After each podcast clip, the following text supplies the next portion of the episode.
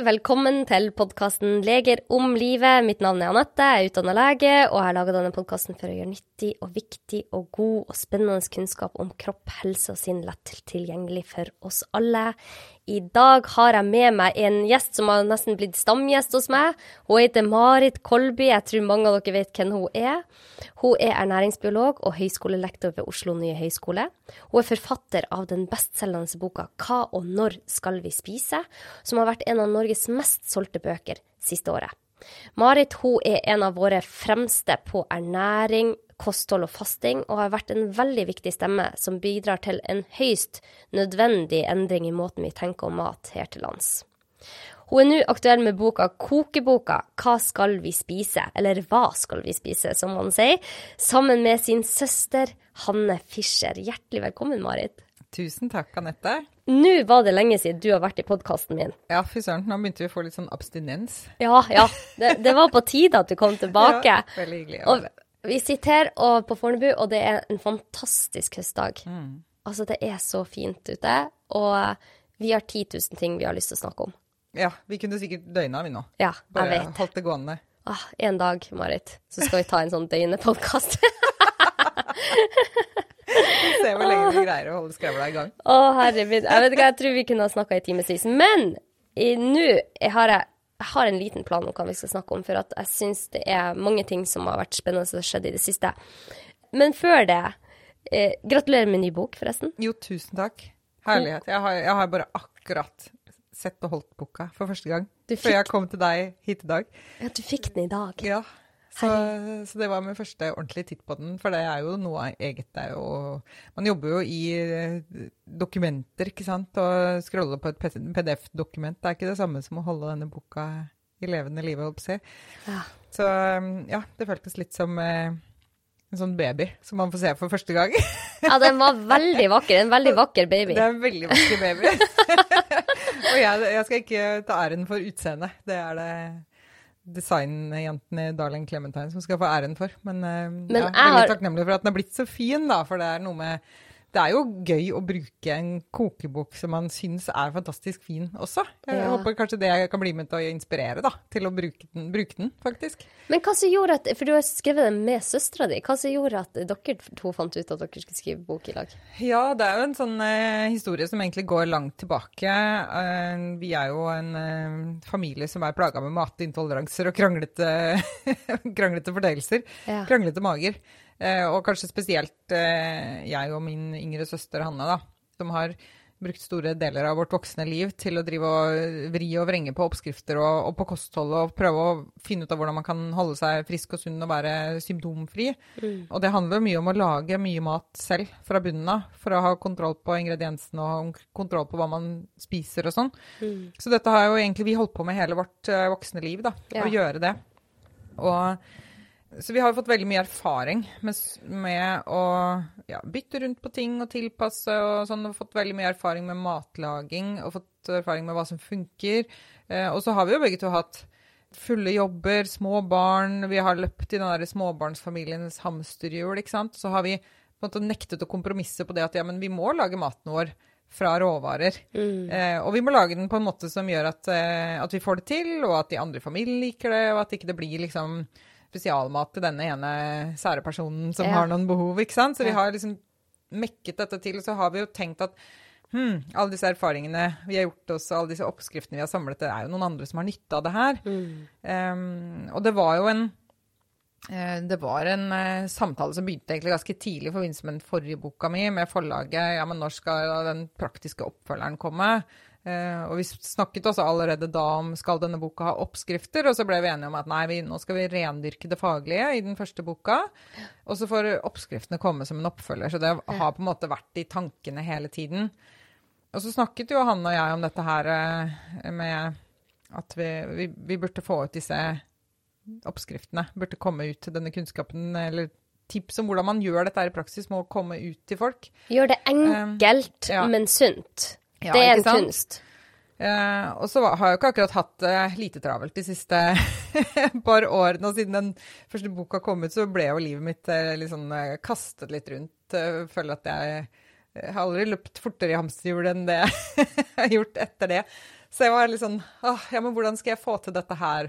Skal jeg, hvordan skal jeg få tid til dette? Og jeg må, jeg må, liksom gjøre det, men hvordan skal jeg få det til? Så, men så sier han at ja, men kanskje jeg kan hjelpe deg, da. Kan jeg um, samle oppskrifter og plukke fra bloggen min og systematisere og sette i uh, kategorier og sånne ting. Og så, uh, og så, kan jeg legge til en del av det som jeg har brukt uh, og liker å, å bruke, og så, sånn at det ikke blir så mye Eller så uoverkommelig for meg, da. Mm. så da vi fikk fikk liksom gnidd litt på den der, så skjønte vi at ja, det kan faktisk funke.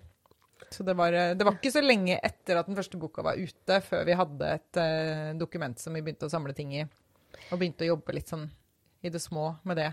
Og så var det veldig det var veldig gøy kjempe, og veldig lystbetont å holde på med det. Mm. Så det gikk litt uh, av seg selv. Og veldig hyggelig. Veldig hyggelig prosess. Det er noen som har spurt sånn ja, har dere blitt uvenner nå, eller? Men det har vi ikke blitt. Vi har kanskje blitt mye tettere og bedre venner fordi vi har jobba så tett sammen. Å, så gøy. Mm. Og så tenker jeg bare på selv, ikke sant. Man går i sine egne oppskrifter. og jeg har jo også samla en del oppskrifter som jeg bare tenker sånn det go to-oppskrifter som jeg vet mm. er bra.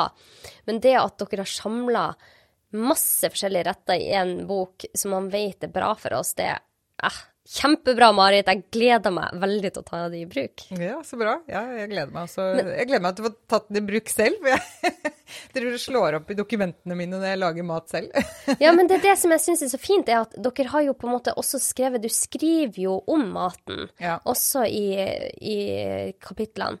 Dere går innom melkeprodukter, kjøtt, sjømat. Mm. Altså det er veldig det er veldig god kunnskap der òg, og det likte jeg skikkelig godt.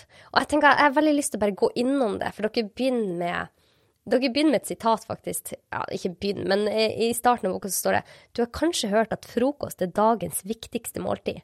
Det er vi helt uenig i. Mm. liksom, jeg syns det var så herlig. Hvorfor er dere uenige i det? Nei, det er jo øh, Jeg begrunner jo det mye i den øh, teksten, men det handler mye om det at vi spiser kanskje det meste av det vi spiser i, i, løpet av en dag, det spiser vi til middag. Og dermed så, altså Den største mengden, da, største energimengden, største energiinntaket spiser vi egentlig til middag. Ja. Og da blir det kjempeviktig at den middagen er bra mm. sammensatt, og at det er et måltid som, som virkelig er ja, tipp topp kvalitet. Og så er det jo flere andre ting som, som, vi også er opptatt av, dette med det sosiale aspektet med å spise. ikke sant? Det er jo kanskje det måltidet som er lettest å få til at hele familien setter seg ned og spiser sammen. Eller det må ikke være hele familien, men altså man, så mye man kan, da.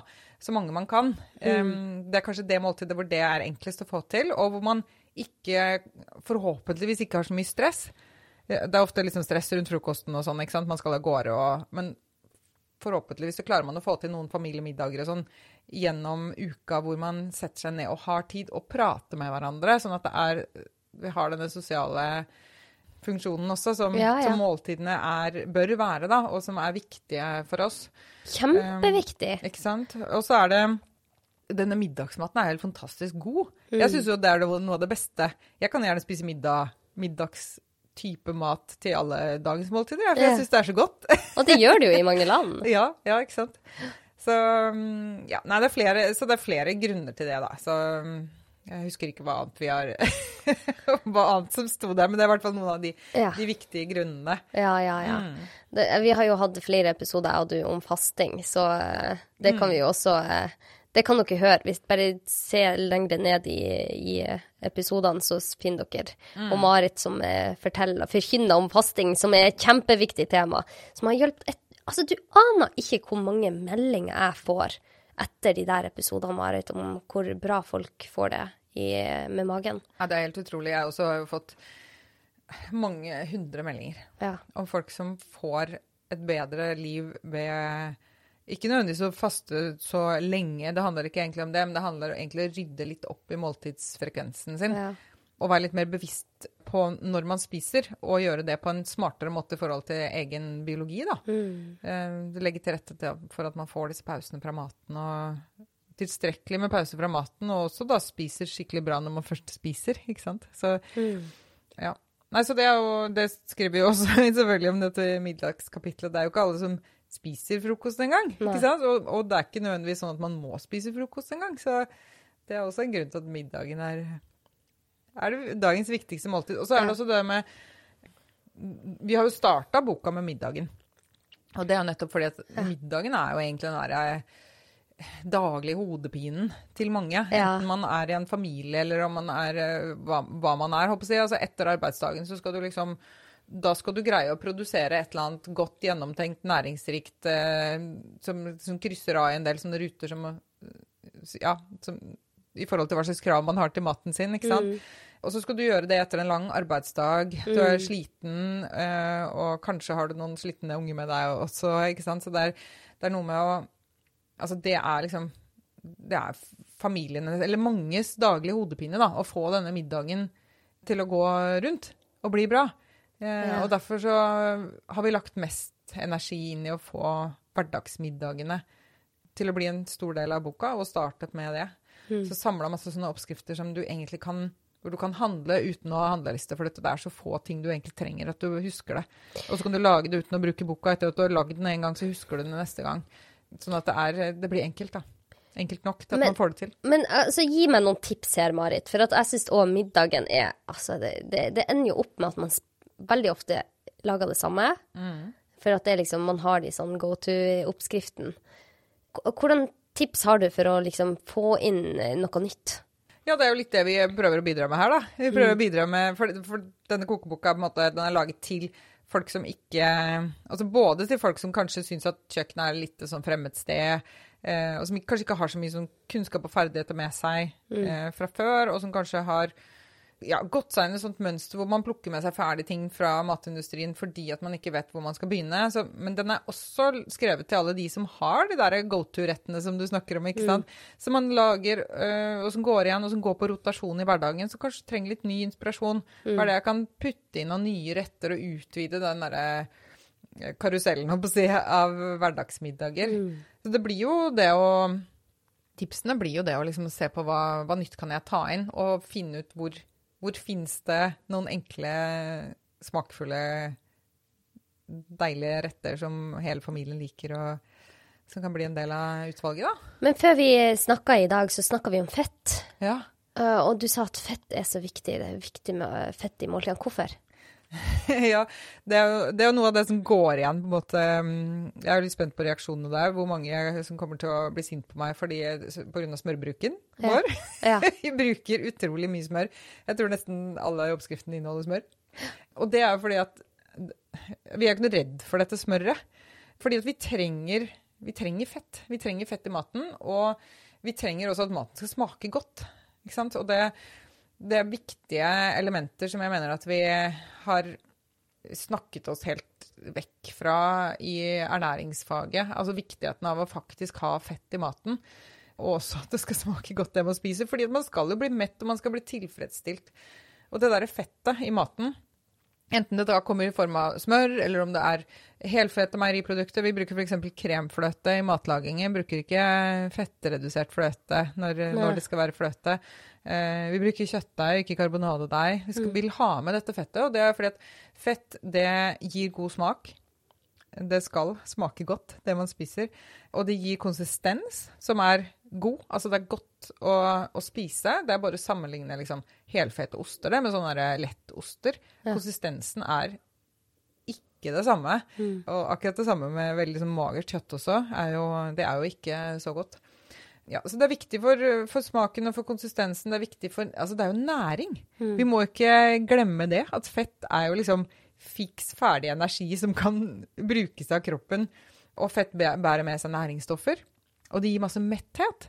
Og det merker jeg så, så godt når vi lager mat med disse fullfete råvarene eller produktene eller sånn. Man blir veldig mett på en veldig behagelig og tilfredsstillende måte uten at man spiser for mye. Det er jo ikke sånn at man Altså man tvert imot ikke overspiser fordi at man blir veldig behagelig mett av å få nok fett i maten. Da. Men blir du ikke mm, Jeg bare tenker på de nye nordiske kostholdsrådene, så er jo er de opptatt av å spise mindre fett. Fettredusert, Ja, det er jo denne fettskrekken som Ja, henger igjen hvor, i ernæringsfaget. hvor kommer det fra, og er ikke fett farlig for oss? Nei, det er jo ikke det. Altså, fett er jo veldig mange forskjellige ting. Det finnes Ja. jo noen typer fett som faktisk er farlig for oss. Ja. Transfett, f.eks. Ja. Ja, som, eh, som Det er ikke transfett i smør. Nei. Det er bitte, bitte litt grann naturlig transfett som dannes i vomma på kua i forbindelse med den eh, fermenteringen som skjer der. Men det Ja, noe som kalles for CLA.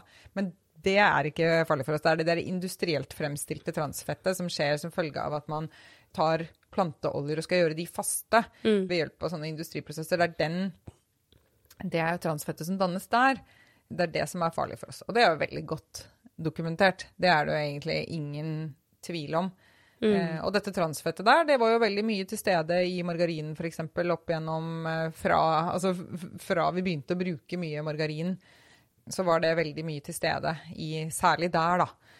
Og i andre typer sånn kjøtt som gikk inn i industrielle produkter. Og det har vi funnet ut etter hvert at dette transfettet det er, eh, det er veldig skadelig for oss. Og nå har det etter hvert kommet reguleringer og sånn på det, så det er veldig lite transfett i matvarene våre nå. Det kan være litt sånne importerte kjeks og sånn, hvor det kan være noe greier, men ellers så er ikke egentlig det noe særlig problemstilling lenger. Så vi kan ikke liksom si at det finnes ikke noe fett som er farlig, men den oppfatningen om at, at metta fett er så farlig, den Altså, den, den Det er jo ikke noe god evidens for at det faktisk er sant. Men hvorfor står det da i de nye nordiske kostholdsrådene fra 2023? Ja, det er jo et godt spørsmål. fordi at hvis man ser på hva studiene faktisk viser, Ja, så viser de jo ikke noen sammenheng med uhelse. OK. Nei, de gjør faktisk ikke det. Så dette her henger jo igjen fra en oppfatning om at eh, metta fett ville forårsake hjerte- og karsykdom. Eh, Så dette her er jo egentlig en sånn lang og vond og vanskelig debatt. si. Det handler om det som kalles for the diet heart hypothesis. Hvor man ser at hvis du, hvis du gir folk da sånn eksperimentelt, så gir du de store doser med smør Ja. i kosten, Ja. eh, og ikke noe flermetta fett, altså planteoljer og sånn. Mm. Og så ser du på hva som skjer med blodkolesterolet deres, så vil du sånn i gjennomsnitt se at blodkolesterolet stiger Ja. i, i en sånn intervensjon. Og, så det er på en måte en Det, det har vi godt etablert fra, fra studier. Og så vet man jo det at høyt blodkolesterol, altså forhøya blodkolesterol, Ja. det er assosiert med hjerte- og karsykdom. ja. Men det er også forlenga med forlenga levetid og Ja, ja. Men dermed så har man tenkt, da Hypotesen er jo da at ja, hvis du da spiser metta fett, så vil du få hjerte- og karsykdom. Mm. Og så har man tenkt at dette er en sånn tretrinns hypotese. Dette, er helt, det, dette er bare logisk, liksom. Mm. Ja. Sånn må det være. Ja. Og så har det vist seg at nei, sånn er det faktisk ikke. Fordi at når man undersøker det, vil inntak av metta fett, f.eks. i form av helfete meieriprodukter, da, Mm. vil det føre til hjerte- og karsykdom, så ser man jo ikke den koblingen der. Nei. Den er ikke der, rett og slett. Så den hypotesen er faktisk feil, og det, det er fortsatt bare en hypotese. Så at det på en måte har fått så vanvittig feste innenfor ernæringsvitenskapen, det er jo veldig, veldig problematisk. Ja, det er jo ekstreme eh, ringvirkninger av å ha sånne eh, kostholdsanbefalinger over ikke bare to år, men over 40 år, ikke sant?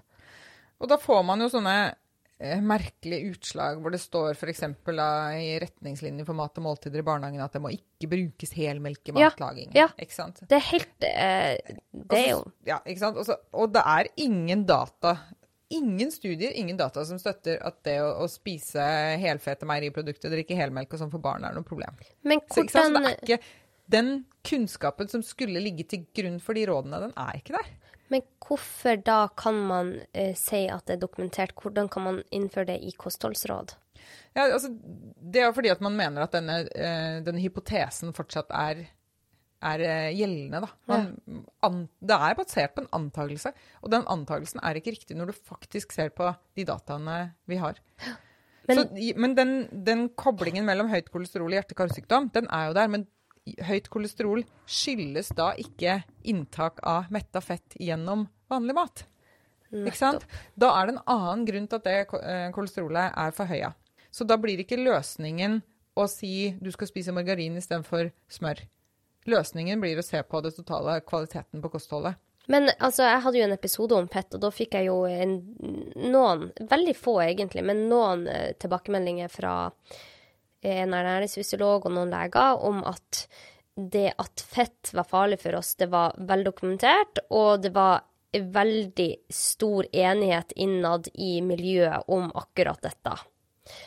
Og at det var veldig få Det er jo ikke sant i det hele tatt. Det Ja. er jo eh, ekst ekstremt stor uenighet innad i dette her. fordi at eh, de som faktisk ser på litteraturen og se hva litteraturen sier Mm. altså det, er- Hvis du virkelig setter deg inn i den spesifikke litteraturen, Mm. så er det ikke mulig å komme til noen annen konklusjon om at dette her, enn at dette her er Dette her er ikke et problem. Mm.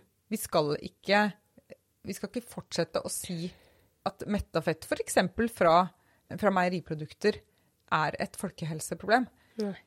Og det er jo selvfølgelig alt med måte, som du sier, fett Altså det er forskjellige typer fettkilder her. Mm. Og det er jo viktig å ha høykvalitets fettkilder. Det er ikke sånn at man skal gå ut og spise masse av dette fettet som er i kjeks, og det, det er ikke det du sier. Det du Nei, sier at absolutt ikke. Det du sier er at naturlig innhold av gode fettkilder sannsynligvis ikke er skadelig for oss, heller tvert imot. Ja, ikke sant? Og det, det rent konkrete eller praktiske eksempelet blir jo da Bør jeg bytte ut smøret på brødskiva med margarin? Får Ja. jeg noe bedre helse av det? Ja. Så det er jo da igjen da vært en antakelse at ja, det vil gi bedre helse. Mm. Men så, så kan man jo studere dette her igjen. Så kan man se på de som spiser margarin. Har de noe bedre helse? Har de noe mindre hjertekarsykdom eh, enn de som spiser smør? Og det har de jo ikke. Ikke sant? Så, så den, vi finner jo heller ikke igjen den den antagelsen om at det vil virke sånn som man har tenkt at det skal virke, den finner man heller ikke igjen i studier. Og derfor så mener jeg at da er det ikke riktig og viktig å gi råd om å bytte ut smør med margarin. Du rokker ved store institusjoner, Marit. Ja, absolutt. eh, Men noen må gjøre det. Ja. Fordi det er, jo, det er jo veldig problematisk at vi gir kostråd som er basert på et kunnskapsgrunnlag som er Eller vi gir feil råd ut fra kunnskapsgrunnlaget, da. Og det er jo litt sånn interessant hvis man ser på disse nye nordiske kostrådene som du nevnte. For eksempel der så står det i kapitlet om kjøtt så står det en begrunnelse for hvorfor, eller hva man mener er skadelige effekter av rødt kjøtt. Da. Og der står det at rødt kjøtt inneholder metta fett. Står listet opp som en skadelig effekt, eller en adverse effekt. Ja. Det å inneholde metta fett er jo ikke en adverse effekt. Altså, det måtte i så fall være at kjøttet i så fall økte dette LDL-kolesterolet, som man er eh, opptatt av, da. Ja. Det kunne jo vært en negativ effekt, sant? Ja. Eh, men det er ikke det det står. Og så tenkte jeg ja, nei, men nå skal jeg undersøke om det faktisk er Er det sånn at rødt kjøtt da øker dette LDL-kolesterolet? Her har jeg gjort masse gode eksperimentelle studier, for dette er ting man, er ting man kan faktisk måle ganske kjapt. Ja. Og det ser man at ja, hvis du spiser, hvis du øker, eh, spiser ganske store mengder rødt kjøtt i kostholdet ditt, så skjer det jo ikke noe negativt med LDL-kolesterolet. Ikke sant? Så det, igjen, det er disse antagelsene om at ja, dette kjøttet inneholder metta fett. Ja da, men da antar vi at det vil være negativt for oss, og vi antar at det vil virke sånn og sånn på, på blodkolesterol. Og så gjør det jo faktisk ikke det når man sjekker. Så derfor så Vi kan ikke gi feil, altså kostråd på et feilaktig grunnlag. Det må vi bare ikke gjøre. Da må vi heller la være å gi råd, mener jeg. Så, Ja. så jeg syns det er kjempeproblematisk. Ja. Og det, det er bare ett av veldig mange problemer med, eh, med de nye nordiske kostrådene som har kommet nå. Der er det store metodiske problemer også med Hvordan det arbeidet der. Ja, med at man kan se at, at det kunnskapsgrunnlaget, det er den evidensen som vi kaller det, Mm. når evidensen skal oversettes til kostråd, så stemmer ikke de rådene som blir gitt med okay. den faktiske evidensen som ligger til grunn. Hvordan eksempel har du der? Ja, for eksempel eh, igjen dette med kjøtt. da. Eh, Hvis man ser på da den, den evidensen som er brukt, så er det, står det veldig tydelig i f.eks. den ene hovedkilden til kapittelet om, eh, om kjøtt, så står det at hvis det er noen negative effekter av rødt kjøtt, så er de veldig små, og de er altfor usikre til å gi konkrete eller hva skal man si, spesifikke råd. Oi. Det står i den, selve den kilden. Ja. Og så, og så går de da ut og så gir de et veldig sånn spesifikt sånn kvantitativt råd. Ja. Et annet eksempel er, eh, er det med egg. Der står det egentlig i, i kunnskapsgrunnlaget så står det at vi har egentlig ikke noe kunnskapsgrunnlag til å gi et kvantitativt råd, altså hvor mange egg skal man spise. Allikevel så går de da videre og gir et kvantitativt råd. Null til ett egg om dagen. Og det vil jo absolutt leses som at her er det en øvre grense, på en måte. Jeg vil i hvert fall tolke det som forbruker, så vil jeg tolke at uh, da bør man ikke spise mer enn ett egg om dagen. Men så paradoksalt nok så er jo det rådet basert på at man ikke ser noen negativ effekt av å spise mer enn ett egg om dagen. Nei. Ikke sant? Så dette her er jo, det er jo totalt kaos i hvordan man oversetter kunnskapsgrunnlaget til faktiske råd. Oi.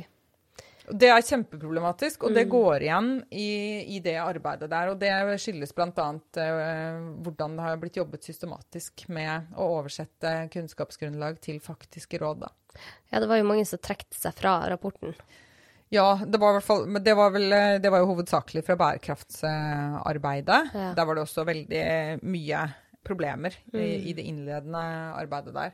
Ja. Så ja, nei, så det har vært eh, Det har vært mye uenighet om enkelte ting i det arbeidet. Det er mange kapitler og temaer som har på en måte passert uten at noen har kranglet om dem. Men Mm. for de tingene hvor det har vært uenighet, så har det vært stor uenighet. ja. For vi Så- er jo alle enige om at vi skal spise mer grønnsaker, f.eks. Ja, ikke sant? Det er jo den dør, åpne døra der, den trenger vi ikke å slå inn. Nei. Men det er et annet eksempel også, da, som vi nevner, vi sitter og filer litt på detaljer her. Eh, hvis man ser på kapitlet om eh, introduksjon av fast føde til eh, små barn, Ja. der var det en veldig interessant detalj, syns jeg. For dette, der står det nå at man ikke skal gi barn under ett år melk. Fordi at det kan øke risiko for diabetes type 1. Det står det faktisk. Og så har jeg den, gått etter den påstanden og sett hva er det egentlig de baserer det der på. Og det det er basert på, eh, handler ikke om barn som er under ett år. Det det er basert på, handler om barn som har fått kumelk når de var under to til tre måneder, Ja. sammenligna med barn som har fått kumelk når de er over to til tre måneder. Det betyr jo da også i praksis at barn som egentlig bare skal ha morsmelk, eller erstatning, har fått kumelk. De har hatt en økt risiko for diabetes type 1. Og så har man da oversatt det til å bli et råd som skal gjelde for alle barn under ett år. Og det som skjer da, er at da kan de som jobber med sånne råd, bli livredd for å gi en åtte måneder eller ti måneder gammel baby litt grann melk i en matrett. Ikke sant? Og det er jo helt galskap! Er det den eneste grunnen til? Ja. Er det den eneste grunnen til Det er det, er det den, de dataene de bygger dette her på, viser. Hva i alle dager? Ikke sant? Det er jo helt hårreisende. Ja. Og da tenker jeg sånn Neimen, sånn kan vi ikke holde på. Vi Nei. kan faktisk ikke misbruke data på den måten der sånn. Hm. Og det, det syns jeg er kjempe, kjempesynd. Og skjønner jeg, jeg skjønner bare ikke hvordan sånn kan slippe igjennom. Å, herre min. Det, det er mange ting eh, Det bare gjør meg enda mer takknemlig for at du finnes, Marit. For at jeg er veldig glad for at du går etter disse kildene, og at du faktisk eh, hever stemmen din, for at det er sånn vi får til endring, ikke sant? Eh, etablert sannhet, eh, det Man må være åpen for ny kunnskap, og så Ja. må vi være åpen for at man kan ha tatt feil. Ja, ikke sant? Og vi har alle tatt feil. Jeg har tatt ja. feil mange ganger, ikke sant? Jeg har også tatt feil mange ganger. Men Ja. det som jeg håper nå, da, er at vi får at vi får en ny debatt om liksom, premissene for at det skal Nå skal det utarbeides nye norske kostråd. Ja. Eh, og da kan ikke vi lage norsk, nye norske kostråd basert på et kunnskapsgrunnlag som er eh, altfor dårlig kvalitetssikra, for det er jo faktisk det det er. Ja. Eh, så jeg håper vi kan få til en ordentlig debatt om det nå, før disse nye kostrådene kommer i, i Norge, som skal komme neste år. da. ja. Eh, at ikke vi bare Altså, vi kan ikke drive med sånn følgefeil, Nei, rett og slett. nei, det er akkurat det. Så- Det blir følgefeil. Ja. Så du, eh, i din kokebok så er det melkeprodukter. Ja, vi argumenterer for at vi skal bruke fullfett meieriprodukter. Både fordi at det ikke det er dokumentert noen skadelige effekter av det, og fordi at det er så mange positive effekter av det. ikke sant? Med metthet og energi og næringsstoffer og matglede, ikke minst. Så ja, nei, så vi eh, argumenterer for det. Og, og også da på kjøtt, da. Men hvordan er det med sjømat? Altså, for vi, vi vet jo Det var jo tidsskrifter for eh, et år siden eller to, der det, de gikk ut uh, noen um, Jeg tror det var om det var noen leger altså, Jeg husker ikke hvem som skrev den uh, artikkelen. Ja, det var flere som samarbeidet Ja. uh, om den. Ja. mente vel at, det er, at vi er litt for uh, lite føre var med Ja. tanke på kostrådene når det gjelder dette med miljøgifter i, i fisk, da, i Ja. sjømaten. Ja, og det var en veldig interessant artikkel. Ja. Men hva, hva tenker du om sjømat? Ja, jeg syns at sjømaten er eh, vanskelig, fordi eh, Og det har vi også skrevet om i boka, at det er, blitt en vanskelig ting fordi at vi mennesker vi har jo vært så sabla dumme, ikke sant? At vi har jo forurensa havene våre sånn at sjømaten vår også blir forurensa. Ja. Så vi har jo ødelagt for oss selv. Altså Snakk om å skite i eget reir. Det er jo helt forferdelig det vi har gjort med havene, og fortsetter å gjøre med havene. Så hvordan skal vi forholde oss til det her nå, liksom? Når vi vet at ja, OK, maten der Fisken og sjømaten, den er jo preget av all denne forurensningen. Så da må vi prøve å liksom ha tunga litt rett i munnen, og så må vi ikke få panikk, og så må vi være litt problematiske, og så OK, hva gjør vi nå, liksom, Ja. med dette her? Ja. Og det som er ganske tydelig da fra, eh, fra vitenskapen og forskning, er at sjømat er bra for oss. Det er jo ikke noe tvil om det. Det. Det ser vi at de som spiser mye sjømat, de har jo bedre helse enn de som ikke gjør det. Ja. Eh, og derfor så tenker jeg at vi skal fortsatt ha sjømat i kosten vår. Mm. Og også fordi at det er jo fantastisk mye matglede i sjømat. Det er jo så mye forskjellig man kan lage med mange forskjellige grupper av matvarer der, ikke sant? Eh, Eller undergrupper. Og så er jo spørsmålet eh, Eller det vi gjør ofte, vi deler jo ofte opp da i den magre fisken og den feite fisken. Mm. Og da tenker vi at eh, det er bra å spise mye mager villfisk. Mm. og at det bør vi spise mer av. Mm. Det er liksom det signalet er egentlig veldig tydelig fra all forskning. Det er kjempebra mat for oss. Ja. Og så må vi tenke litt på bestander og, og sånne ting. Så da, det, disse bestandene som er godt forvalta, da. Og da får du gjerne Altså da får du torsken som er fisket ut på Barentshavet. Ja, og kolje og sei, f.eks. Sei er kanskje noe av det vi burde spise mest Da. Det er veldig bra eh, det, det står bra til med seien, for å si det sånn. Ja. ja. Så, ja. så vi snakker fram sei og torsk og kolje og disse. Og selvfølgelig det fins andre magre fiskearter også, som da er veldig bra. Ikke fordi de er magre, men de er magre. det er sånn vi skiller på dem, på en måte, da. ja. Men hva med det feite, da? Ja, ikke sant, så er det den feite fisken, og da blir det vanskeligere. For det er den feite fisken som akkumulerer disse miljøgiftene. Og det gjør den fordi at den Altså, den magre fisken lagrer det i leveren sin, så da bør vi jo unngå å spise torskelever. Det, ja, det syns jeg er smart å, å unngå, for der er de oppkonsentrert. Mens den, magre, nei, den feite fisken den lagrer disse miljøgiftene da i fiskekjøttet fordi den lagrer fettet i kjøttet sitt. Ja. Så det som er greia da, der er det noen flere, der er noen ting vi kan tenke på. Det første er at eh, liten fisk har ikke rukket å akkumulere så mye eh, fett, og dermed miljøgifter, som stor fisk. Så det kan være smart å, å gå for liten fisk. Mm. Og ikke de som er høyt oppe i næringskjedene. ikke sant? Fisk spiser jo fisk som spiser fisk som spiser fisk, osv. Så, videre. så de som på en måte er på toppen av næringskjedene, det er jo de som vil ta opp mest av disse eh, miljøgiftene. Mm. Så, så liten, feit eh, fisk, villfisk, er bra. Og da tenker vi sånn sardiner, ansjos og sild og små makrell og sånne ting. Og jeg prøver å lære meg til å like det, og Ja. jeg klarer det ikke. Og jeg har så lyst til å like sild og Ja, og så har jeg veldig lyst til å like sardiner, og så Ja, ja, ja. gjør jeg ikke det. Jeg jobber med saken, jeg også. Jeg, jeg, prøver jeg har lyst til å prøve å finne noen oppskrifter hvor man liksom skjuler sardinene litt. Jeg, Det blir- En stund så drev jeg og tok i et par sardiner i bananpannekaken. Det, hvis man Høres tok helt forferdelig ut. Hvis man tok bare to jeg fant Hvis jeg tok to, så smakte det ikke. Hvis jeg tok tre, så smakte man det. Ja. Jeg, også, jeg skulle ønske jeg kunne lære meg å, å like sild, men uh, det gjør jeg dessverre ikke ennå. Vi kan Kanskje ikke være må- perfekt. Nei, vi kan ikke det. Men i hvert fall, um, litt makrell er bra, men jeg tenker sånn, man skal ikke spise makrell hver dag. Nei, Spis gjerne litt makrell i sesong og litt som pålegg og sånn, men jeg anbefaler ikke å bruke makrell som pålegg hver dag, fordi at den har ganske høye innhold av høye nivåer av miljøgifter. Det er mange som gjør det, faktisk. Så Ja. det er greit å bare vite om at det Ja, er en del tungmetaller og miljøgifter i det. Variere litt med andre typer eh, pålegg istedenfor. Ja. Altså nå er jeg har sånn, jeg har lurt veldig på om jeg skal dele dette tipset her. For jeg syns det, så- det er så fint at jeg nesten er redd for at alle skal begynne å bruke det sånn at det blir for lite av det. Men det Marit, nå må du si det. Jeg må si det. I, eh, I frysedisken Ja. til de litt bedre butikkene, Ja. som har litt mer utvalg, så har de fryst makrellfilet Ja. fra Fiskemannen, tror jeg det er. Så det ligger sånn fem sånne makrellfileter i en pakke, og de er åpenbart filetert og fryst veldig raskt, fordi de de er ikke antydning til harske. De er kjempe, kjempegode, så hvis du kjøper de frosne, og så bare tiner dem over natta, det må ikke ligge lenge i kjøleskapet etterpå, for det tåler ikke makrell, da blir den harsk. Ja. Men de er altså så gode. De er fantastisk gode. Takk for tipset, Marit. Jeg kommer til å ta det i bruk, og det kommer 50 000 andre til å gjøre det. Og hvis, hvis, hvis jeg nå ser at disse butikkene bare skrur opp prisen noe så vanvittig på de makrellfiletene, så, så vet jeg ikke hva jeg gjør. Da ta, Da- setter vi en Anders på saken. Da setter vi Anders på saken. For, for de har foreløpig en veldig god eh, Eller en ålreit pris på de OK. makrellfiletene. Okay. Ja. Men i hvert fall så mm, Men hva med laks?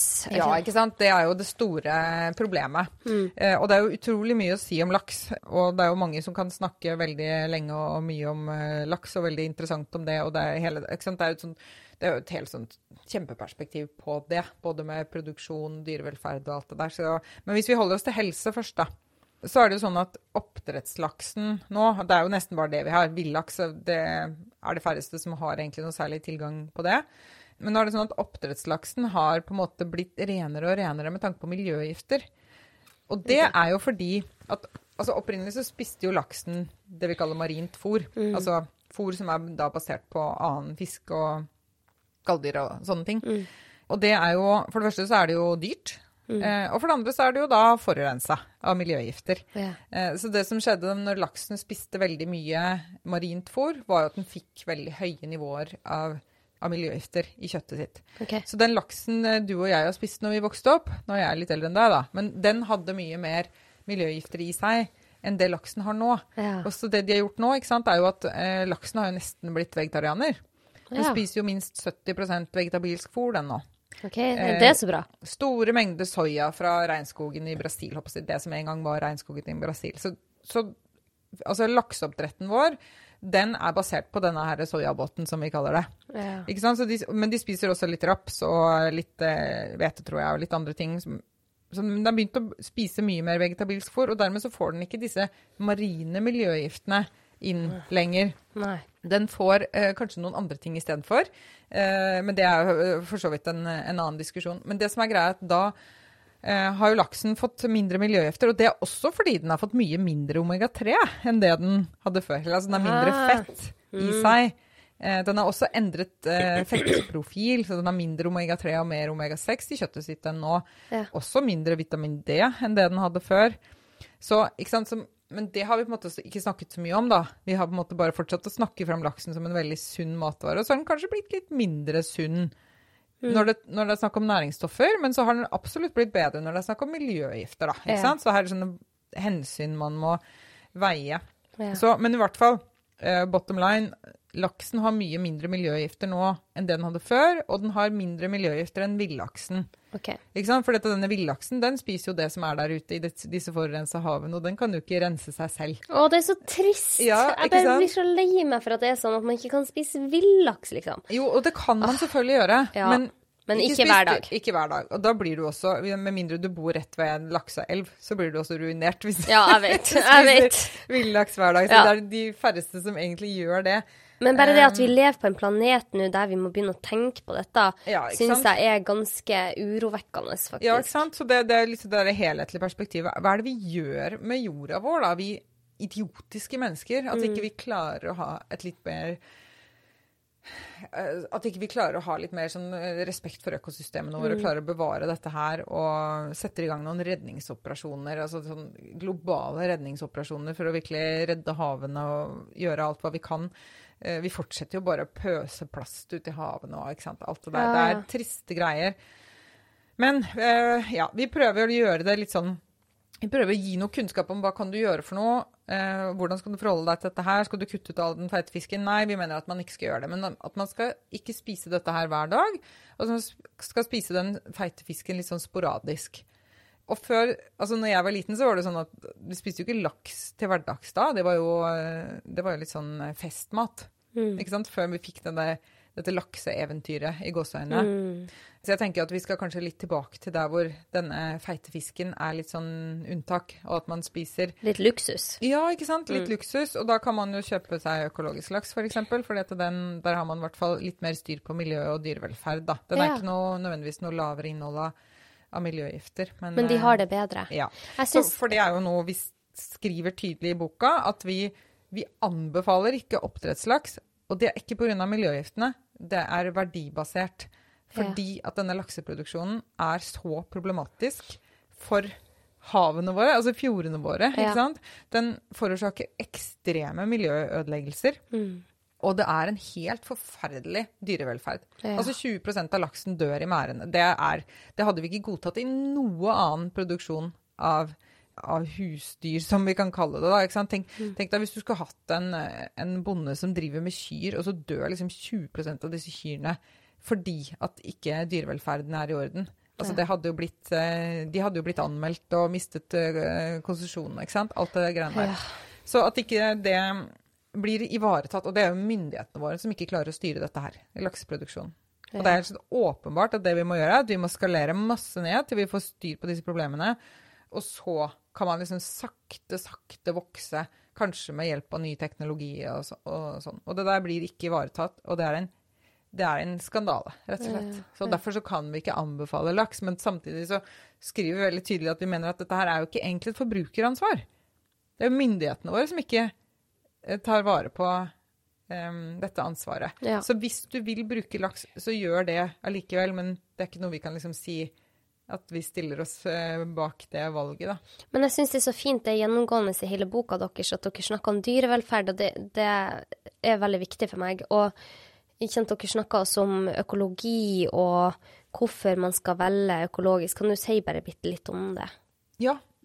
Det, det er også noe som, som går igjen i disse forskjellige tekstene som handler om råvarene. Og nå skrev jeg masse om økologi i den forrige boka, Ja. med, med dette med, med sprøytemidler og hvordan de påvirker oss, og hva vi vet om det og, og sånn. Jeg kan Så- du for, fortelle kort om det, Marit? For, jeg, vi har jo hørt eh, at ikke det er så farlig med disse sprøytemidlene. Ja, ikke sant. Eh, og så er spørsmålet hvor godt har vi egentlig sjekka det? Ja. Svaret er jo at det har vi jo overhodet ikke sjekka i det hele tatt. Og vi har jo absolutt ikke sjekket disse sprøytemidlene i kombinasjon. Nei. Ikke sant? Det, er, det, tror jeg, det tror jeg nesten at veldig få forbrukere faktisk er klar over det. At vi får i oss sprøytemidler i kombinasjoner. Og det er ingen av de som er testa i kombinasjoner. Det er jo det er jo et kjempeproblem i seg selv. At man bare liksom antar at disse stoffene skal virke likt. Hvis man bare legger til det og det og det og det stoffet. At ikke det skal være noe problem da, å få disse her i kombinasjoner. Så, så det er jo det ene. Og det begynner jo etter hvert å komme mange mm, eh, studier som viser at de som spiser økologisk mat, har mindre risiko for mange forskjellige typer helseproblemer, som er disse helseproblemene som vi står overfor, eller som vi prøver å bekjempe. da, ikke sant? Så det er både kobla mot metabolsk helse, altså overvekt, eh, fedme eller vektøkning, og det er eh, diabetes type 2, det er kreft f.eks. Mm. Eh, også dette med fruktbarhet, Ja. særlig hos menn. Hvordan da? De, de som spiser økologisk mat, har mye bedre sædkvalitet enn de som ikke gjør det. Og når vi vet at sædkvaliteten til menn har jo falt drastisk de siste 40 årene, det er ganske skremmende å se. Mm. Eh, Ikke bare har de mindre spermceller per eh, Altså, man måler det i en sånn enhet, Ja, men eh, sant, det er dårligere aktivitet der. De er ikke sant? Så det, så det er noe med eh, igjen den derre helheten. Hva er det vi gjør med denne eh, planeten vi, vi bor på? Mm. Hvordan eh, håndterer vi disse eh, Altså, vi er jo ikke føre var på noen ting. Nei. Vi går jo Først så eksponerer vi folk for stoffer, og så begynner vi å sjekke liksom Gikk dette her egentlig ganske Gikk dette greit? Og så finner vi ut at det går jo overhodet ikke greit, og så tar det lang tid før det kommer noen reguleringer på det. Ikke sant? Så alt det henger så etter. Så når vi får reguleringer på bruk av et sprøytemiddel f.eks., Ja. så har jo folk vært eksponert i mange tiår allerede. Ja. Og et veldig godt eksempel er jo dette her med de disse stoffene som kalles for klorpyrifos og metylklorpyrifos, var det vel, som ble forbudt i 2020. Og det var jo fordi at man hadde funnet ut at disse stoffene hadde noen veldig skadelige effekter som man ikke hadde sjekka de for. Så det er også et problem. Hva, hvilke effekter er det vi sjekker disse stoffene for? Og mange av de effektene vi ser nå, er jo nettopp sånne effekter som ikke de har blitt kontrollert for. F.eks. på effekter på tarmfloraen, og på immunresponser, og på metabolisme som følge av det, og slike ting. Og her var det snakk om nerveskade, da, eh, med dette, eh, disse klorpyrifos-stoffene. Og da hadde jo vi forbrukere allerede vært eksponert for disse stoffene i mange, mange, mange år, og så har de blitt forbudt, og så har de blitt tatt ut. Hmm. Så, og det er jo mange eksempler på at akkurat det har skjedd. At man har liksom antatt at ting var i orden, og så har man funnet ut at oi, det var visst ikke i orden allikevel. Ja, da får vi forby disse stoffene, da. Det er veldig sjelden at det går andre veien. At man finner ut at ja, det var visst ikke noe problem i det hele tatt.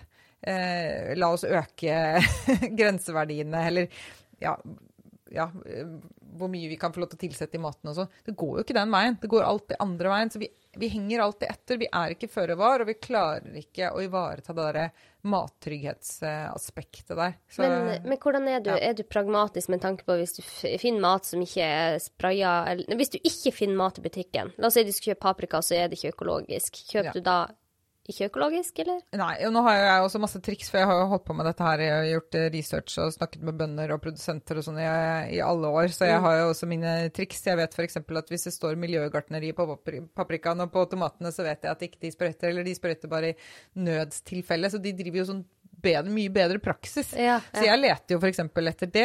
Ja. Eh, og, og, det er klart, det er ingen som er upåvirka av disse matprisene som har økt. Så når plutselig den økologiske paprikaen koster 260 kroner kiloen, og så den andre paprikaen koster kanskje 150 eller et eller annet sånt, og så blir det jo litt sånn Orker jeg egentlig å betale så mye for den økologiske? Og noen ganger så orker jeg det, og noen ganger så orker jeg ikke det. Og så må jeg lukke litt øynene for og bare tenke, ja, være litt pragmatisk, da. Ja. Og så er det også noe med hva får man tak i. Det er ikke sånn at jeg kjører til en annen butikk nødvendigvis for å kjøpe noe jeg ikke fikk tak i på den ene butikken. Nei. Så mye tid har ikke jeg i hverdagen min. Men det, jeg, jeg, tenker ofte sånn Kan jeg bruke noe annet? Mm. Ja. Nei, men så velger jeg da Miljøgartneriet sine paprika og tomater. Men det er ikke alltid at det er mulig. Det er ikke alltid du har en sånn en, en uh, utvei. Mm. Uh, men jeg kjøper de tingene som liksom er som jeg kan forsvare da, i budsjettet, på en måte. Jeg prioriterer det veldig, veldig hardt. Og når jeg ikke får tak i økologisk mat, eller mener at det, at det er så dyrt at jeg ikke liksom jeg orker å betale så mye, så kjøper jeg konvensjonell mat. Men jeg skulle ønske igjen ikke sant? Vi snakket om i stad hva er det som er forbrukernes ansvar her. Jeg skulle ønske at vi som forbrukere hadde sluppet å velge mellom mat som inneholder rester av sprøytemidler, og mat som er fri for dem. Ja. Ja. Når, når, det faktisk er mulig. Så derfor så syns jeg igjen eh, altså Skam på myndighetene våre, altså. For de har jo skrotet eh, altså, Eller regjeringen, de som styrer. Vi skrota jo vår økosatsing i Norge for noen år siden. Vi hadde jo faktisk det. En, en satsing på økologisk eh, landbruk. Eh, Som de har i Sverige og i Danmark. Ja, ikke sant. Og i Tyskland. Og de klarer jo Det de klarer der, er å gradvis vende større deler av landbruket til å drive økologisk og mm. produsere uten bruk av sprøytemidler. Og hvis de klarer det i Sverige og i Danmark og Tyskland, hvorfor skal ikke vi klare det i Norge? Mm. Det er jo ingen god grunn til det. Og så er det alle disse innvendingene Ja, men da får vi altfor liten matproduksjon osv. Men det stemmer jo heller ikke. For eh, det er jo gjort analyse på det der at vi, hele, innen hele EU så kan vi klare å produsere og fø oss selv på økologisk mat.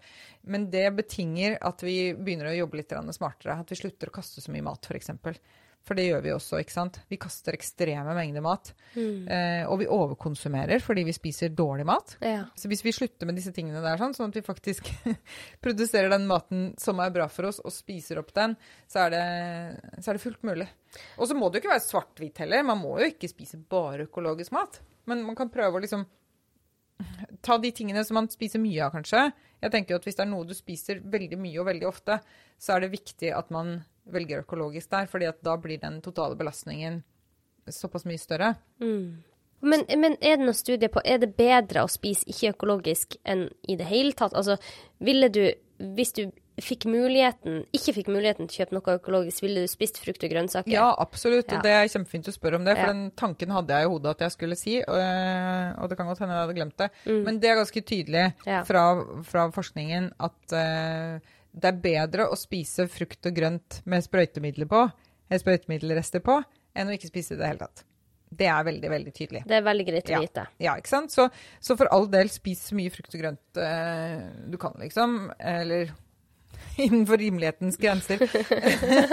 vi skal jo ikke bare spise det igjen. ikke sant? Vi skal bli ja. mette, vi skal bli godt ernært og, ja. og så videre, Men vi skal spise, spise den der ferske, altså disse planteråvarene. Ja. Men igjen så er det jo også sånn Stort sett så er det jo sånn at norsk mat er bedre enn annen importert mat. Altså en, norsk er bedre enn EU, som er bedre enn tredjelandene igjen. Hvorfor sant? det? Hva er det som er forskjellen? Jo, vi, bruker, vi, er mer restriktive. Altså, norsk landbruk er generelt mer restriktive på bruk av sprøytemidler. Men det er noen unntak der, og det er bær.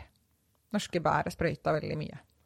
Hvorfor er det sånn? Ja, Det er nok noe med klima og slike ting ja, som gjør at de er veldig utsatt for jeg tipper at de er utsatt for forskjellige typer oppvekst og, og, slike ting, som gjør at eh, eh, Og du vet jo også når du plukker, plukker et bær, eller ser hvordan de vokser ute i naturen Så fort du har plukka, høsta de og tatt de inn i huset, så tar det ikke lang tid før de bringebæra begynner å mugne og, eh, og slike ting. Så, så, det er nok noe eh, Jeg tror det er en viktig faktor der. sånn da får man jo kjøpt f.eks. disse frosne økologiske bærene. Vi bruker masse av dem. Ja, det bruker hjemme. jeg òg. Mm. I sommer så kjørte jeg jeg tror det var 45 minutter unna eh, på en gård som heter Søndre Røyne gård, for å få økologiske bringebær, og folk flirte veldig av meg. Men det er veldig hyggelig. Jeg tok med meg sønnen min, og det, ja, ja. Liksom, det, er så, det, er så, fine folk eh, det, som å, ja, jobber der. Det er så hyggelig, og, og de der gårdsbesøkene. Jeg ja. gjør også det. Tar med, tar med, hele gjengen med mine barn og kjæresten min og hans barn, og vi reiser og plukker blåbær. Så det er blitt tradisjon på, på det Delås gård i Sarpsborg, eller i Skjeborg. Skjeberg heter det. Ja. Um, som dyrker økologiske blåbær. og kan du plukke selv. Så da plukker vi fryserne fulle, og så spiser av det hele vinteren. Å, fantastisk. Så, så, og det er sånn Ja, det høres utrolig tungvint ut å ta den der turen for å skaffe seg blåbær, liksom, men det er så mye mer. Det er jo det er et gårdsbesøk, ikke sant. Det er en ja. opplevelse. Det er nærhet til de som faktisk produserer ja. maten. Og det er kjempefint å vise barna det, og det er masse andre opplevelser når man er på disse gårdene. ikke sant? Du kan kjøpe annen mat, og du kan treffe dyrene, og du kan prate med bøndene. Og ikke minst så får jo disse bøndene fortjenesten selv.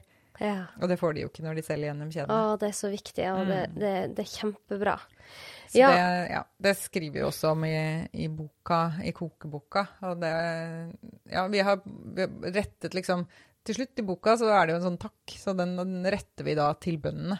Ja. Som er de som faktisk produserer maten vår. Og som gjør så utrolig viktig jobb for mm. oss. Herre min. Mm. Og, På, mot alle odds, egentlig. Mot alle odds, for ja. det er kjempetøft å drive med det her i Norge. Mm, og de får jo ikke akkurat noe, noe, drahjelp. Nei. Så vi har jo på en måte feilet som uh, samfunn der også, da, med å, å, ivareta en av de aller, aller viktigste funksjonene i samfunnet vårt, som er å ha, være selvforsynt på mat. Så det håper jeg virkelig at det kommer en Altså hvorfor er ikke dette her liksom en sånn bred politisk diskusjon? Hvordan skal vi redde landbruket vårt nå? Og hvordan mm. skal vi få opp selvforsyningen, som er kritisk eh, lav? Jeg håper at det skjer endringer der òg. Mm. Vi, vi, må bare håpe på det. Og jeg, jeg, tror at jo flere som forstår hvor viktig maten mm. vår er for oss, hvor viktig den er for helsa vår, hvor viktig det er for bærekraft. ikke sant? Mm. Det er jo kjempeviktig at vi ikke må importere alt fra utlandet. Hvor bærekraftig er det at vi må importere all maten med fly og båter fra andre sida av jorda? Mm. Ja, ikke sant. Og da, da er det jo viktig at man også er god til å definere bærekraft. Eh, så da kan vi også sparke tilbake til disse nordiske kostrådene som faktisk ikke har vurdert bærekraft, men som har vurdert en bitte liten del av det, som de mm. kaller for klimamessig bærekraft. da, men som f.eks. da ikke inkludere selvforsyning. Altså hvor bærekraftig er man uten selvforsyning? Det, jo, ja. det må være grunnpremisset. Og det var også, Jeg kan jo benytte sjansen til å snakke fram Anders Nordstad igjen, da, fordi mm. han har skrevet en tekst om bærekraft i denne boka. Ja, det var veldig fint. Ja, ikke sant? Og det, jeg tenkte sånn Jeg var nesten ferdig med manus, og så og tenkte jeg jeg har bare igjen den der teksten om bærekraft. Å, den må jeg få skrevet. Ja, må jeg virkelig lese mye og sånn. Så tenkte jeg bare nei, vet du hva. Nå spør jeg Anders, ja. for det er han som kan dette best. Ja. Og så liker jeg veldig godt måten han skriver på. Ja. Han skriver så klart og tydelig at man skjønner hvor eh, Ja, hvor, hvor, enkelt dette her egentlig er, da, hvis vi bare forstår de store sammenhengene. Mm. Mm. Men Marit, eh, du skal videre ut i dagen, men jeg har noen eh, spørsmål til deg før du skal videre. Mm. Hvordan kan vi gjøre maten vår mett ikke For at vi er jo opptatt begge to av dette med å ikke småspise hele dagen. Mm. Som jeg har en veldig lei tendens til hvis ikke jeg spiser meg ordentlig mett. Mm. Hvordan kan du gjøre et måltid mettende? Ja, eh, jeg også gjør det. Hvis ikke jeg spiser meg mett, så går jeg og småspiser. Mm. Det er jo fordi at hjernen er fortsatt sulten. sant? Ja. Det er jo ikke magen som skal bli mett, det er jo hjernen som skal bli mett. Mm. Eh, så vi må spise på en måte som gjør at det liksom kicker inn i disse um, metthetsmekanismene. Ja. Så da Altså, det grunnpremisset blir jo å spise råvarebasert mat. Og det har man jo da Altså, det har vi til og med testet, eller vi. Det er jo blitt testet eksperimentelt mm. eh, i studier.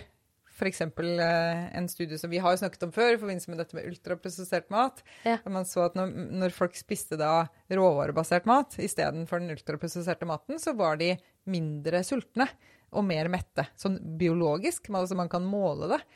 Så, så, det blir på en måte grunnpremisset. Man må spise råvarebasert. Men det er klart det hjelper ikke bare å sette seg ned og spise agurk og tomat og salat og tro at du blir mett. Nei, nettopp. Man må jo ha disse forskjellige komponentene som virker inn på metthetsmekanismene våre. Og da er jeg ikke noe særlig glad i å, bryte liksom, maten ned i disse enkeltkomponentene og snakke om maten som om den er proteiner og karbohydrater og, og fett. Men det er jo egentlig litt det det handler om, da, for vi vet at disse stoffene trykker på metthetsmekanismene våre. Eh, så vi må jo så eh, vi må jo ha noen proteinkilder når vi spiser, ikke sant? for det er noe av det som gjør oss mette. Og vi må ha fett, som vi snakket om. Mm. Fett gjør oss også mette. Eh, og fett gjør jo også at det, det, stopper litt hvor fort maten går gjennom fordøyelsessystemet. Mm. Har du mye fett i maten, så slippes maten saktere ut i tarmen, mm. sånn at tarmen skal få lov til å bearbeide og ta opp dette her fettet.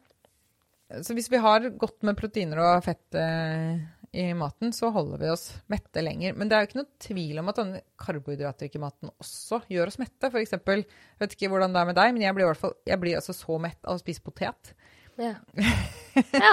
Som, jo, den har jo for så vidt litt uh, proteiner, men den er i hvert fall ikke særlig fettrik. Men jeg tenker at altså, trikset er jo å få disse matvarene i kombinasjon. Vi må ha noen mm. animalske matvarer som typisk er fett- og proteinrike, uh, og kombinere dem med noen planteråvarer. Og da har vi jo sånne måltider som kjøtt, potet, rotgrønnsaker, kålgrønnsaker, mm. sånne type ting. Og liksom sette dem sammen, og, og selvfølgelig egg og, og, sånne ting. Sette sammen et måltid på en måte som gjør at man blir mett. Men der igjen er det litt individuelle variasjoner, altså. Noen mennesker kjenner at de blir mye mettere hvis de spiser litt sånn karbohydratredusert. Ja. Uh, mens andre kjenner at nei, vet du hva, jeg, jeg må ha brød og potet i kostholdet mitt for å bli mett og fornøyd. Så da må man også legge opp til at det må være lov å prøve seg litt fram og finne mm. ut av hva er det som gjør at jeg blir mett og fornøyd og ikke får den der trangen til å gå og småspise. Mm. Uh, og jeg mener at hvis man blir sulten igjen liksom en time eller to etter et måltid, da har man spist altfor lite, alt for, nærings, eller for lite næringsrikt. Mm. Så da må man prøve å justere mm. og finne ut av hvordan kan jeg, hvordan kan jeg gjøre måltidene mine mer mettende, eller, hvordan, eller kan jeg spise noe annet. Så bare et sånn eksempel er jo hvis du spiser en salat da, til lunsj, da kan man jo ikke spise en, en grønn salat med litt uh, grønnsaker oppi og tro at man blir mett. Når jeg spiser salat til lunsj, så har jeg tre hardkokte egg og gjerne noe tunfisksalat og ost og nøtter og frø og De tingene som faktisk gjør deg mett. Mm. Store mengder med den ordentlig mettende maten. Mm. Eller for eksempel, da, vi snakka om, om den der havregrøten. Hvordan ja, kan man ja, gjøre ja, den litt mer mettende? Kjøre på med en god klump med smør, og man kan ha nøtter eggeplomme, f.eks. Eggeplomme, ja. ja. Nøtter og frø og sånn. Rista nøtter og frø og sånn. Smaker jo helt fantastisk godt. Ja. Pøse på med de tingene som virkelig gir metthet, og som gjør at man har også har noe å tygge på, for det er også faktisk bra for metthet at man eh, tygger. Ja, og det er bra for hele kroppen, og hjernen består jo mm. av Jeg husker ikke hvor mange prosent fett, men altså det er Altså, vi trenger fett og mm. proteiner og karbohydrater. Men det som har skjedd i veldig, veldig mange år, er at vi har tenkt at karbohydratene er liksom det er det beste. Vi kjører på med masse karbohydrater og har spist veldig mye karbohydrater istedenfor eh, fett, f.eks. Ja, og så har vi telt karbohydrater istedenfor å snakke om kvaliteten på maten. Da, mm. Og det blir veldig veldig feil. Altså Kvaliteten må være der først. Det må være sånn grunnpremiss maten skal være råvarebasert. Mm. Da er det bra kvalitet uansett. Mm. Og så må man da sette sammen disse måltidene sånn at man blir ordentlig god og mett, og, og får litt av de så, Litt forskjellige matvaregrupper tenker jeg er en god idé, da. Mm. Um, til, ja. Eh, til, så mange måltider som mulig, liksom. Eller til, til de fleste av måltidene at man får med litt flere matvaregrupper, da. Ja, jeg så, mm. eh, selv jeg jo gått med i sånn glukosemåler, og jeg så at det var utrolig stor forskjell hvis jeg tok nok fett i maten, i eh, f.eks. havregrøten, mm. enn hvis jeg ikke gjorde det. Og da merker jeg også at jeg blir mye lengre mett. Mm. Så nå spiser jeg havregrynsgrøt igjen, men jeg har mye mer fett i. Og så har jeg begynt å ta i valnøtter mm. og noen frø, for jeg Åh, det er så godt med den. Det er så deilig med den der crunchen. Ja, og så var det en lytter som sa ta oppi en eggeplomme, så det har jeg begynt å gjøre. Ja. Genialt. Ja, ikke sant. Det er, det er bra. Det er skikkelig, Da blir det sunt og næringsrikt. Og når du kom inn døra, Marit, så hadde du tatt med deg et surdeigsbrød som du har baka til meg. Ja. Og det var så snilt, og jeg gleda meg til å spise det. Det er jo et et brød fra, fra boka. Som egentlig, I boka så står det med vanlig gjær, da. Sånn langtidshevet. Eh, men nå hadde jeg for deg. Smelte oppi litt surdeig Å, også. det, du er snill, altså. Nei, vi har vært innom veldig mye bra nå, Marit. Er det noe du syns er viktig å få fram nå når vi har deg inne?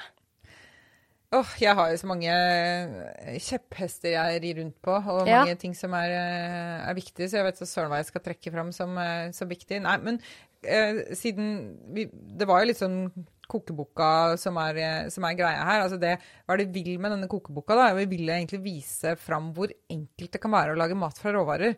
Så jeg vil egentlig bare liksom si at vi, vi må slutte å si at ikke vi har tid til å lage mat. Vi må bare finne ut hvordan vi kan lage bra mat og få det til å passe inn. Og det er nettopp det vi prøver å vise fram i denne boka. her. Sånn. Og så tenker jeg også bare i det perspektivet, da.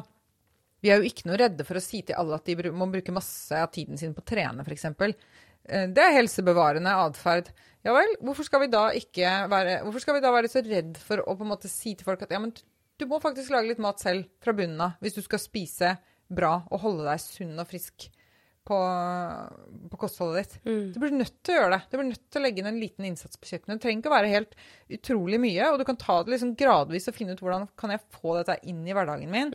Eh, også selvfølgelig se seg om etter de, de mindre eh, prosesserte eller de råvarebaserte alternativene som egentlig er ferdig til konsum.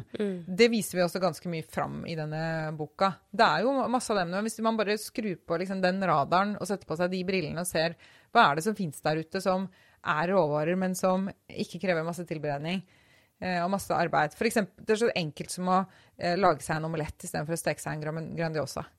Sånne ting.